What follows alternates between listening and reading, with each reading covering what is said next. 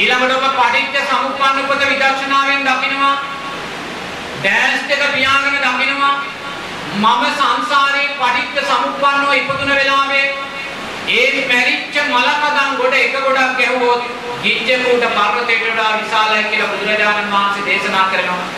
එහෙනම් ඔබ විවේකීව ඉන්න වෙලාවේ මේ පටිච්ච සමුප්පන්න උපත විදර්ශනාවෙන් දකින්න කොහොමද දකින්නේ?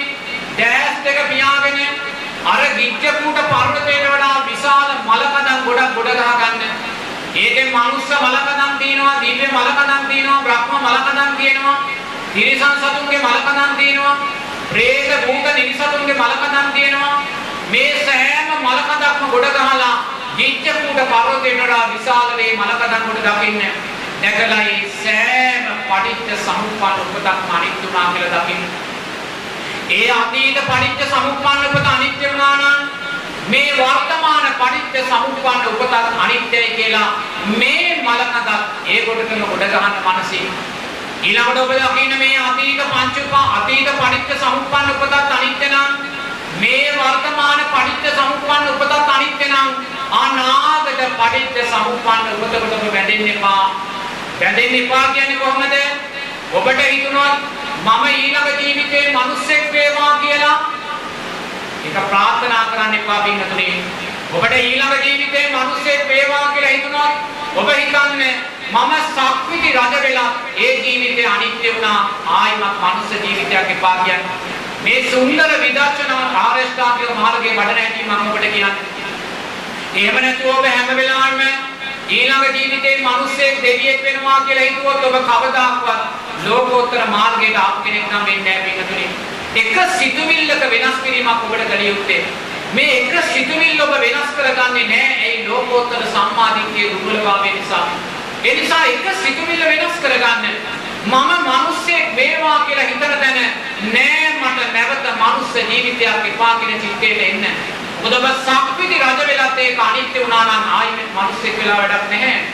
ඔබට දෙවියෙක් වේවා කියලා හිතක් ඇති වුණා නම් ඊළඟ චිත්තයෙන් මේ දේවත්වයේ අනිත්‍යභාවය දකින්න. මම සුජම්පතිය වුණා නම් සක්‍රියා වුණා නම් ඒවත් අනිත්‍ය වුණා නම් ආයිමත් මට ඒක එපා. හිමතුනි ලෝකෝත්තර ආරෂ්ඨාංගික මාර්ගය ඔබ මේ වඩන්නේ. එහෙනම් බලන්නකෝ එක චිත්තයකින් ලෝකෝත්තර මාර්ගයට අවතීර්ණ වෙද්දී පුළුවන්කම තියෙද්දී මම මිනිස්සෙක් වෙනවා කිය කියා හිතලා අවසාන ප්‍රේතෙක් බවට පත් වෙනවා. ඔන්න වෙන තැන. ඇයි උපාදානයේ බලවත් තෘෂ්ණාව බලවත් දරුව උපාදානය වෙනවා මිනිස්සෙක් වෙනවා අන්න ප්‍රේත ලෝකෙටයි වැටෙන්නේ. එහෙමනම් ඔබ මිනිස්සෙක් වේවා කියලා චිත්තය ඇති වෙච්ච තැනදී පින්නතුනේ හිත ශක්තිමත් කරගන්න සතිය සිය ඇති කරගන්න.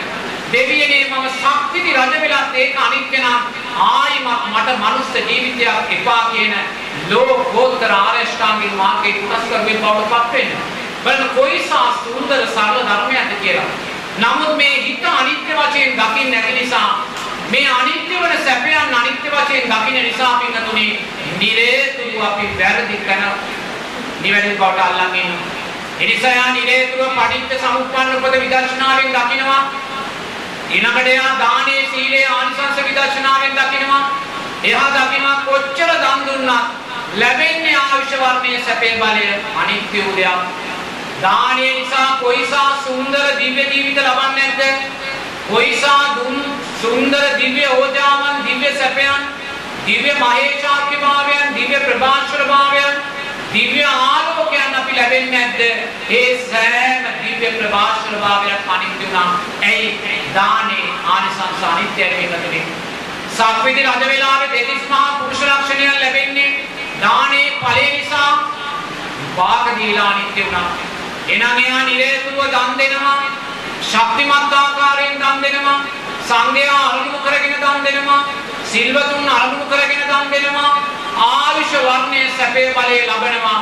ඒ ආයුෂ වර්ණයේ සැපේ බලය අනිත්‍ය වශයෙන් දකින්න එයා ආයුෂ වර්ණයේ සැපේ බලය නිත්‍ය වශයෙන් ගන්නේ නෑ නිරේතුරුව මේ ආයුෂයත් වර්ණයත් සැපයත් බලයත් අනිත්‍ය වශයෙන් ගන්නවා.